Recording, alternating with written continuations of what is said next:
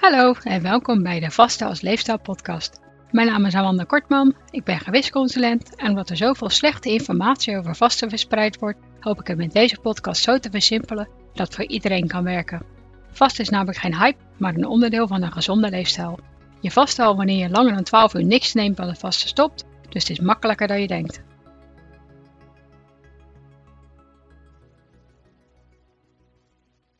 Welkom bij aflevering 8.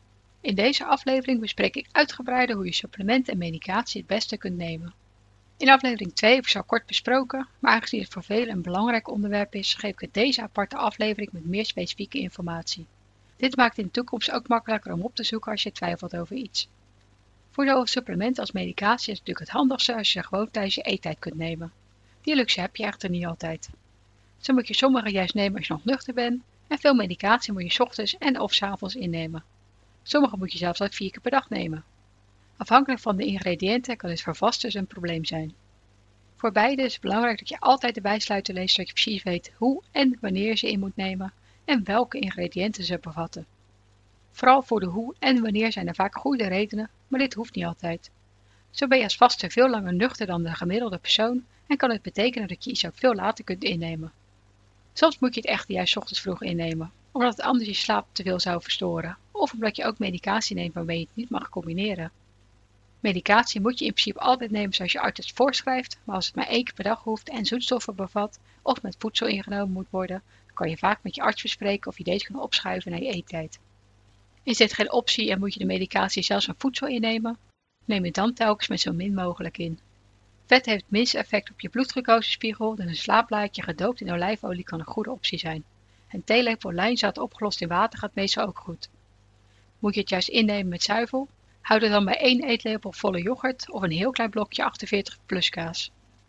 Welke ingrediënten ze bevatten is natuurlijk ook belangrijk en het kan sowieso geen kwaad om ze allemaal op te zoeken zodat je zeker weet wat ze betekenen. Veel supplementen en medicatie bevatten zoetstoffen en voedingsstoffen die het vasten stoppen en dat wil je natuurlijk voorkomen. Ik spreek uit ervaring, want mijn vorige darmmedicatie bevatte zoetstoffen en in mijn huidige zit aardappelzetmeel als vulstof. En sinds ik weet hoe belangrijk het is om goed te vasten, heb ik ze opgeschoven naar mijn eettijd. Ik hoef die toch niet te nemen tijdens een specifieke tijd, dus dat was in mijn geval makkelijk. Andere veel voorkomende ingrediënten zijn trouwens antiklontenmiddelen zoals rijstconcentraat en stearinezuur en bindmiddelen zoals gelatine. Deze vallen allemaal onder de voedingsstoffen en zullen het vasten tijdelijk stoppen. Plantaardige capsules bevatten meestal cellulose en als technisch gezien ook voedsel, maar onze darmen kunnen het heel slecht afbreken, dus meestal geen probleem.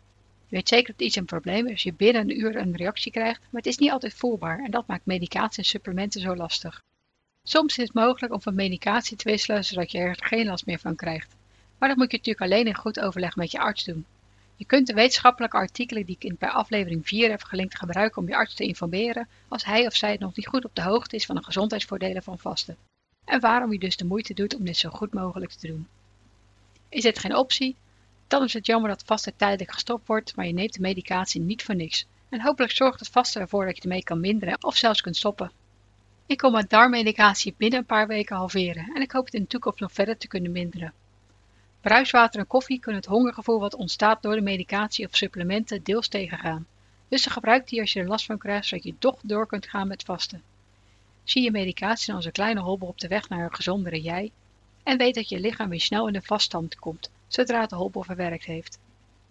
Voor zowel medicatie als supplementen geldt trouwens dat als je binnen 2 tot 4 uur na een maaltijd neemt, dit meestal geen probleem is. Je maag is dan aan de maaltijd aan en het valt er als het ware bovenop. Gebruik dit echter niet als excuus om wat te eten of te drinken wat vast stopt. Dit zou namelijk een veel grotere invloed hebben doordat je lichaam extra insuline gaat aanmaken. En dat is gewoon zonde. Houd er ook rekening mee dat vloeibare medicatie en supplementen dan voor problemen kunnen zorgen. Voor supplementen zijn er verder nog een paar simpele richtlijnen. Vitamines en mineralen neem je beter op met voedsel, dus die neem je gewoon tijdens je eettijd. Sommige supplementen moet je echter juist innemen als je nog nuchter bent. Deze supplementen kan je voor de zekerheid het beste een half uur voor je maaltijd nemen.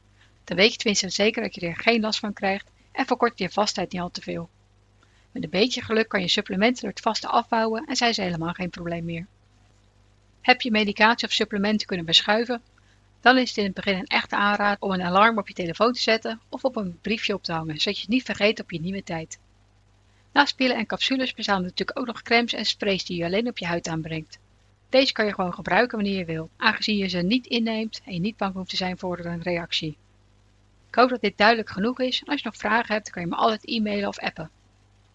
In aflevering 9 bespreek ik de veel voorkomende bijwerkingen van vasten en ketose en geef ik tips over hoe je hiermee om kan gaan.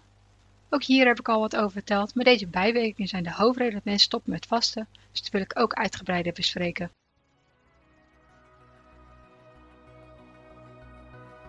Bedankt voor het luisteren en vergeet niet dat je de onderwerpen en bronnen altijd in de omschrijving van de aflevering kunt vinden. Heb je vragen of opmerkingen of heb je behoefte aan persoonlijke begeleiding? Kijk dan op valerie.nl voor meer informatie. Weet je niet zeker of sommige tips of adviezen ook voor jou geschikt zijn? Bespreek ze dan natuurlijk altijd met je arts.